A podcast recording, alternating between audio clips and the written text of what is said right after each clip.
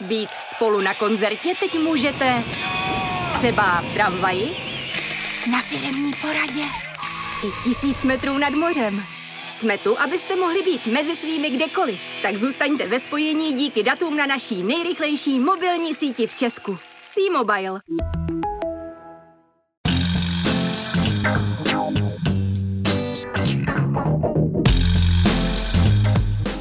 Je pátek 10. června, 107. den od ruského útoku na Ukrajinu.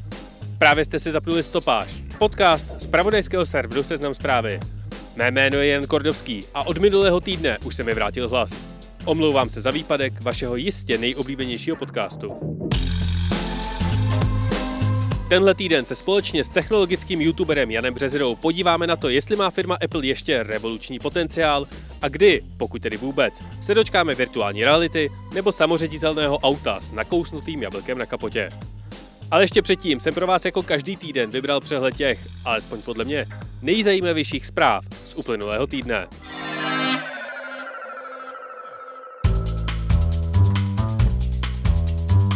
Den, kdy Elon Musk oznámil svůj záměr koupit Twitter, měly akcie Tesly hodnotu 1145 dolarů za kus. Tenhle čtvrtek už cena klesla na 725 dolarů. A to bude nejspíš ten hlavní důvod, proč zde o tomto dílu opět mluvíme. Minulý týden Musk v e-mailu zaměstnancům napsal, že ruší možnost pracovat na dálku a očekává je v kanceláři minimálně 40 hodin týdně. Zároveň oznámil, že plánuje škrtnout 10% zaměstnaneckých pozic, což později obrátil a na Twitter napsal, že počet lidí v Tesle se naopak zvýší. Musk jinak také stále tvrdí, že mu Twitter zatajil, kolik botů na jeho síti ve skutečnosti je a z toho důvodu už sociální síť nechce. Podepsal však kupní smlouvu, takže mu Twitter jen suše oznámil, že Muskovi rád poskytne přístup k RAW datům, aby si mohl vše ověřit sám. Tenhle nákup za 44 miliard dolarů jistě nabídne ještě spoustu další zábavy. Celý týden probíhá vývojářská konference Apple. V pondělní prezentaci firma oznámila softwarová vylepšení svých telefonů, tabletů, hodinek a počítačů. Představila i nový procesor, který bude například součástí nejpopulárnějšího počítače MacBook Air. Evropským parlamentem prošel zákon, který výrobcům mobilních zařízení nařizuje od roku 2024 sjednotit nabíjecí standard na konektor USB-C. TikTok do aplikace integruje funkci, která po nastaveném čase znemožní dále konzumovat obsah. Měla by tak pomoct s nadměrným užíváním nebo závislostí na vašem telefonu. A Velká Británie vybrala 14 telefonních budek, které si nezaslouží zrušit. Jsou v oblastech se špatným signálem, v místech, kde často dochází k násilí a sebevraždám, nebo se z nich za poslední rok telefonovalo alespoň 52krát. Poslanci Evropského parlamentu tento týden schválili zákaz prodeje nových aut na spalovací motor od roku 2035. Někde dojde k zákazu ještě před tímhle termínem. Nejdříve v Norsku, které si stanovilo rok 2025. Plán musí ještě schválit jednotlivé členské země Unie. Polostátní Čes tento týden otevřel svou čtyřstou nabíjecí stanici. Letos jich chce vybudovat ještě dalších 100. Celkem je aktuálně v České republice lehce přes tisíc veřejných nabíjecích stanic. Klasických benzínek jsou necelé 4 tisíce. A současná americká administrativa se zavázala do roku 2030 vybudovat nabíjecích stanic rovnou 500 tisíc. A co se stalo ještě? Poprvé v historii se našly mikroplasty v čerstvém sněhu na Antarktidě. Podle nové studie zlákala první kuřata ze stromů na zem vypěstovaná rýže. Clubhouse opouští manažeři i uživatelé. Meziročně spadl počet stažení o 80%. Příští týden startuje v České republice Disney+. Cena plynu pro evropský trh klesla pod 80 eur za megawatt hodinu. Je nejnižší od začátku invaze na Ukrajinu. Boris Johnson ustál hlasování o důvěře a zůstává dál britským premiérem. Americká turistka způsobila škodu ve výši 25 tisíc eur, když schodila elektrickou koloběžku ze španělských schodů v Římě. Japonsko v pátek pustí první postcovidové turisty do země. Musí všude nosit roušky a mít průvodce. Bezposádková loď Mayflower, kterou řídí umělá inteligence, úspěšně přeplula Atlantský oceán. A u Worcesteru vypustili zpátky do přírody jezevce, který se zasekl v odpadní trubce. Prý spokojeně dupal a funěl. A stalo se toho mnohem, mnohem víc. Můžete zkusit třeba náš nový podcast Kulturák, ve kterém náš kulturní editor Jonáš Zbořil a Jana Patočková každý týden rozebírají zásadní kulturní a popkulturní události. Ale ještě předtím, než si tenhle podcast přidáte do své oblíbené aplikace, si poslechněte můj rozhovor s Janem Březnou o tom, jestli Apple v honbě za finančními výsledky náhodou nestratil svoje mojo.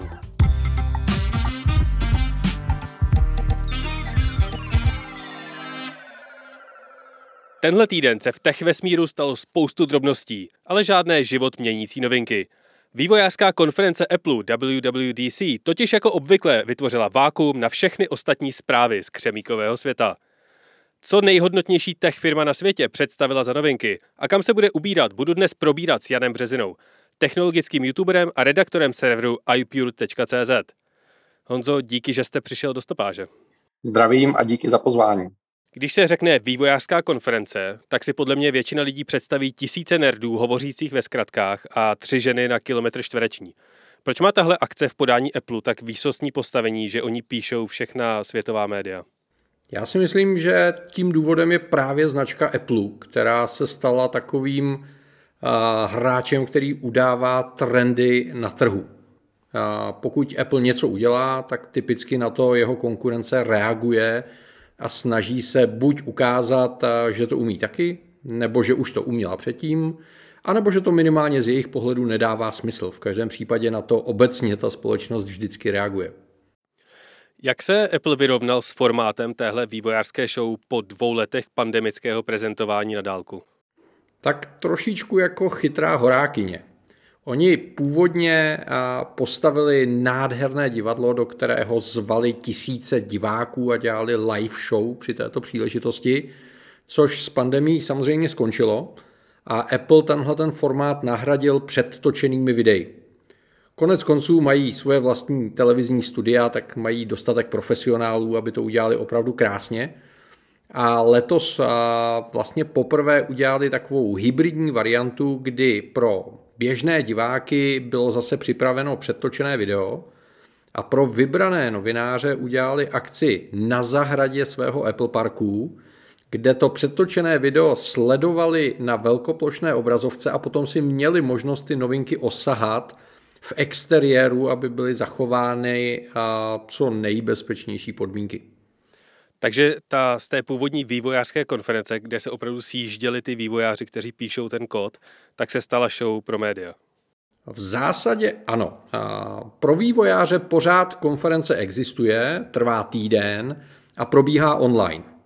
Což znamená, pořád platí to, že i poslední vývojář, a pozor, rozhodně to nejsou jenom muži, jak tady zaznělo na začátku, Apple je velmi hrdý na to, že má velké množství vývojářek a že má vývojáře z celého světa, ze všech kontinentů, si může dohodnout online schůzku i vlastně z šéfy těch vývojových týmů a vyptat se a získat informace. Probíhá spousta přednášek a různých setkání, panelových diskuzí a podobně. Stopáž je sice pořád zaměřený na technologie, ale já bych se tu nerad pouštěl do drobností nebo do detailů typu nových APIs pro vývojáře nebo většímu přístupu k paměti iPadu. Ukázal Apple v pondělí v Cupertinu něco unikátního, revolučního pro ty samotné uživatele? No, ta dvouhodinová show byla vlastně zaměřena jenom na ty koncové uživatele. Já si myslím, že pro ty vývojáře samotné až tak zajímavá nebyla protože se Apple soustředil zejména na ty věci, co budou vidět na venek. Takže začal třeba tím, že úplně přepracoval obrazovku zamčeného telefonu, kam si teď můžete přidávat eh, různé informace a interagovat s ní. Ukázal tam, jak díky umělé inteligenci umí rozložit obrázek, takže pokud budete mít na obrazovce fotografii svého partnera, tak třeba hodiny mohou být jakoby prostorově zastrčené za něj, aby to vypadalo prostorově a elegantně. Co je pět vašich nejoblíbenějších drobností, které tam tak nějak se zjevily v tom, eh, v tom softwaru, který Apple letos chystá? No tak pokud bychom chtěli být trošku jízliví, tak můžeme třeba říct, že po deseti letech se Apple podařilo na svůj tablet dostat předpověď počasí, což byla věc, které se vždycky všichni vysmívali.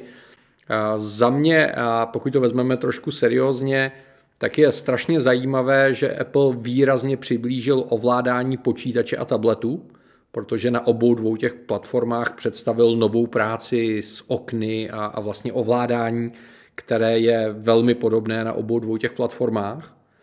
Za mě je strašně důležité, že Apple pracuje v oblasti sportu a zdraví.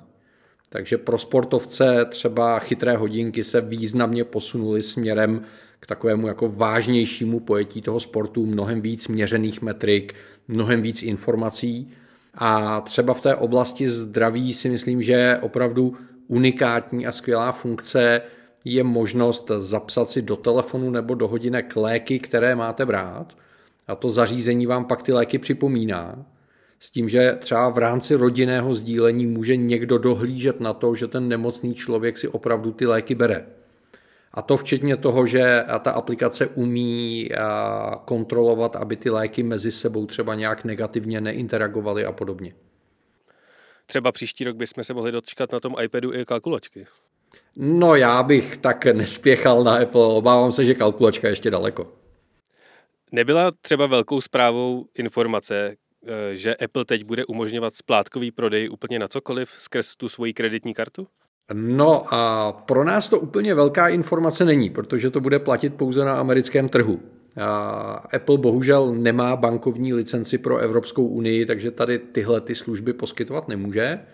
Na druhou stranu, co je na tom hodně zajímavé, je to, že ten splátkový prodej bude poskytovat nejen držitelům té kreditní karty od nich, ale vlastně všem, kdo platí pomocí Apple Pay. A to dokonce i v kamenných obchodech. Takže je otázkou, jestli bude platit to, že Apple se snaží kultivovat ten trh těch vlastně mikropůjček, anebo jestli naopak Apple se snaží zapojit do oblasti, která je výnosná a bude se chovat podobně jako konkurence. No myslíte si, že tahle tendence stát se bankou je pokus o vybudování nějakého dalšího pilíře té firmy, nebo jen prostě o drobné vylepšení zisků pro investory z Wall Street? Tam záleží na tom, komu budeme věřit. Apple říká, že tyhle ty služby dělá právě proto, aby pomáhal svým uživatelům s finanční gramotností. A je pravda, že třeba jeho kreditní karta se chová výrazně benevolentněji ke svým zákazníkům v okamžiku, kdy se dostanete do nějakých finančních problémů a, a snaží se jako velmi otevřeně informovat ty držitele o tom, jak jsou na tom s tím kreditem a co je čeká. Takže pokud bychom to chtěli brát takto optimisticky, tak je to jako dobro, které Apple chce páchat.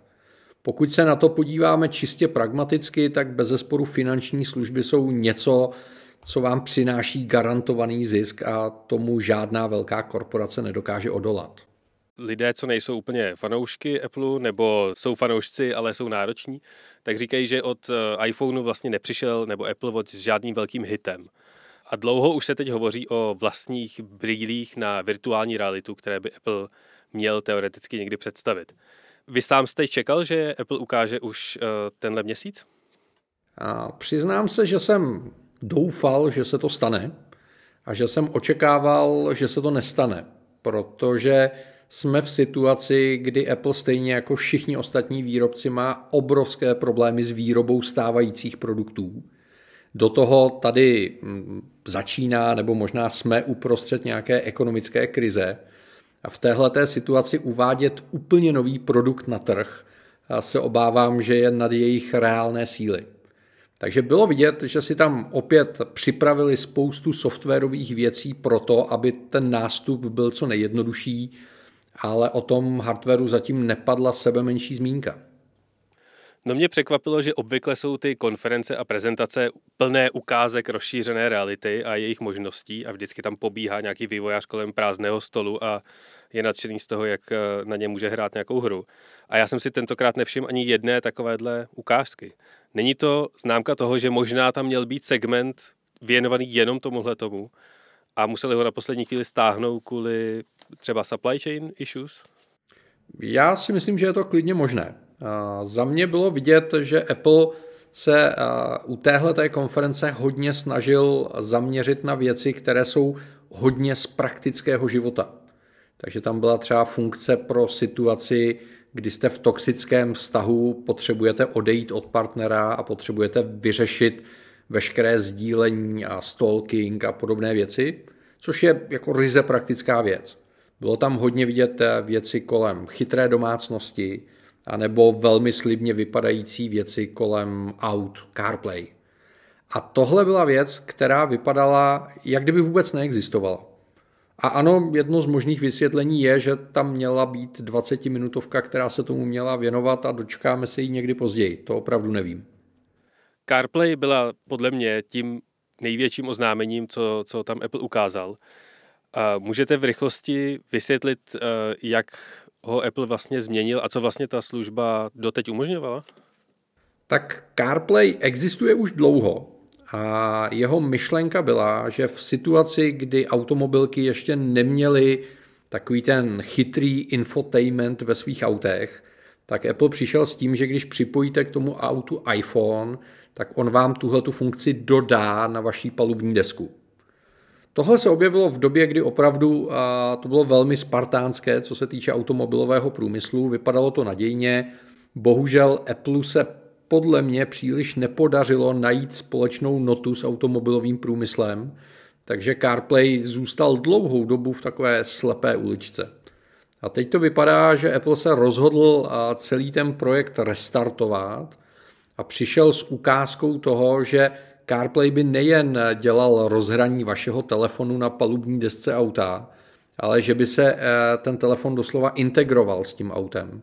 Takže eh, byste na jedné obrazovce mohli mít informace o rychlosti a zároveň eh, třeba mapy a nebo zprávy z telefonu a podobně. Což znamená, je to úplně nová úroveň spolupráce mezi tím telefonem a tou elektronikou toho auta. Vizuálně to vypadalo krásně, je otázkou, nakolik eh, budou výrobci aut ochotní v dnešní době, kdy každý z nich už nějaké vlastní řešení mají, eh, spolupracovat s Applem. A Apple sám řekl, že vlastně první auta s tímhletím novým konceptem by se měly objevit až na konci příštího roku. No tak automobilky jsou legendárně pověstně eh, špatné ve vývoji softwaru a většina z toho je úplně nepoužitelná nebo neintuitivní. To neznamená, že na něj nejsou pišní. Nemůže být tohleto vlastně první díl skládačky toho jejich vlastního samoředitelného auta, o kterém se tak dlouho povídá? A nejsem si stoprocentně jistý, ale tak, jak já vnímám signály z Apple, tak Apple experimentoval kolem vlastního auta a vyhodnotil, že vyrábět automobil je přece jenom něco trošku jiného, než dělat elektroniku a software a že by se Apple v tomhle okamžiku spíš chtěl posunout právě do role dodavatele té elektroniky a softwaru pro automobilový průmysl. Takže umím si představit velmi úzké spolupráce mezi Applem a zavedenými automobilkami, ale upřímně příliš nevěřím tomu, že by Apple se vrhnul do takhle náročného úplně nového segmentu. Takže vy projekt Titan nebo Titan, nebo jak se mu přezdívá, odsuzujete? Nebo říkáte, že nevznikne? Já ho neodsuzuji, ale nemyslím si, že je reálné, že by vznikl. Když jsme u aut, tak Evropský parlament tenhle týden, kromě zákazu prodeje nových osobních aut na spalovací motor, odhlasoval i to, že všechny telefony, které se v Evropské unii prodávají, musí mít do konce roku 2024 konektor na USB-C. Dočkáme se iPhoneu z USB-C? To je velmi dobrá otázka. Já si umím poměrně dobře představit, že Apple na tohle zareaguje tím, že uvede iPhone, který nebude mít vůbec žádný konektor. Čímž by ten problém elegantně po svém vyřešil, protože máme k dispozici bezdrátový přenos dat, máme k dispozici bezdrátové napájení, máme k dispozici bezdrátová sluchátka a já si myslím, že v případě většiny běžných uživatelů by to vlastně nebyl problém, kdyby tam ten konektor nebyl.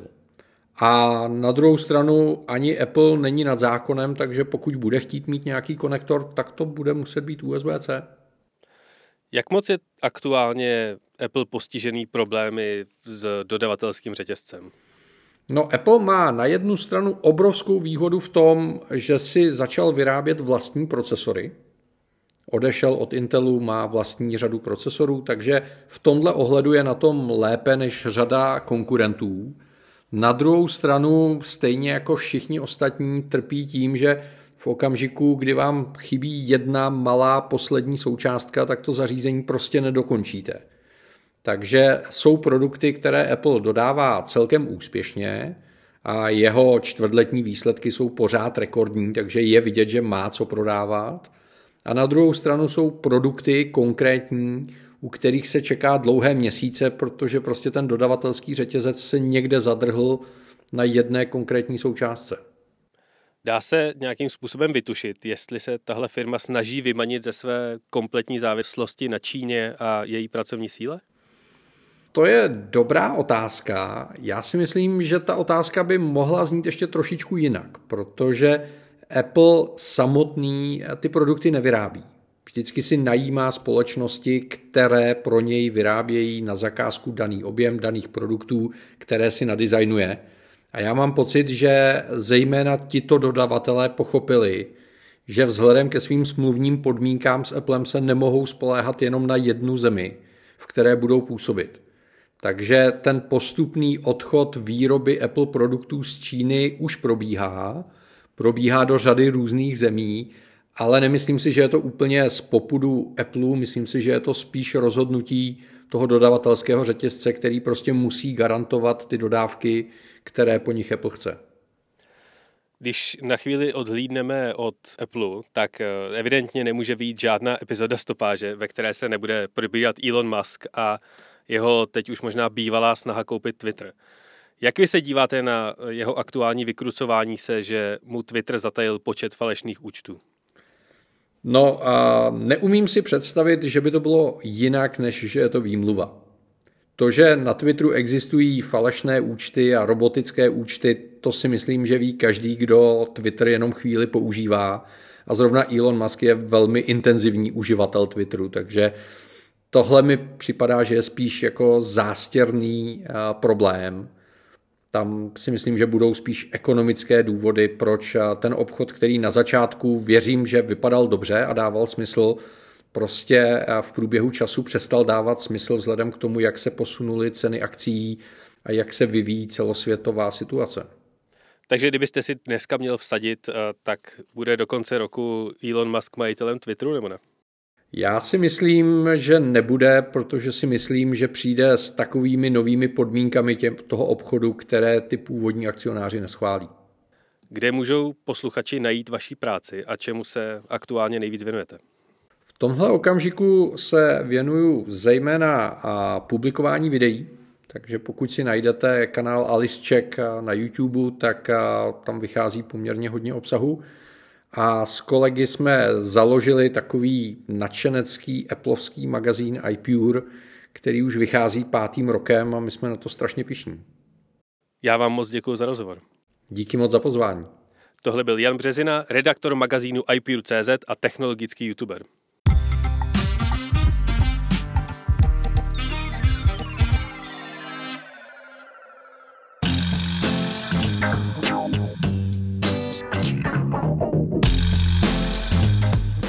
To je ode mě pro tento týden opět vše. Díky všem, kdo se po stopáži minulý týden ptali. Bylo to tu zemilé. Předem hlásím, že jednou, dvakrát za prázdniny se tahle situace může ještě opakovat.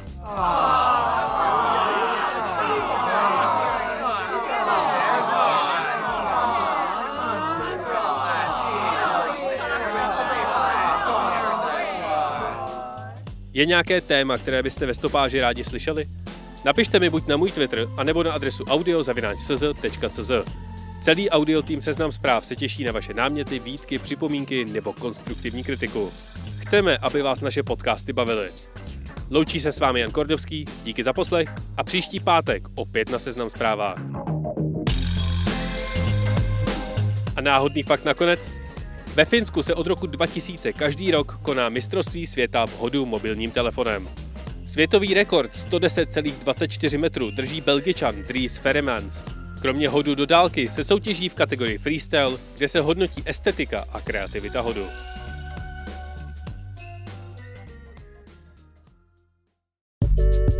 Já jsem Jonáš Zbořil. A já jsem Jana Patočková. Oba píšeme o kultuře. A o popkultuře. A teď o ní budeme i mluvit. V novém podcastu Seznam zpráv, který se jmenuje Kulturák. Každý týden vám přineseme to nejzajímavější ze světa umění, filmu, hudby, literatury, prostě ze všeho, co by vám jako čtenářům, divákům, posluchačům nemělo vůbec uniknout. Poslouchejte nás každé úterý na Seznam zprávách, na podcasty.cz a ve, ve všech, všech podcastových aplikacích. aplikacích.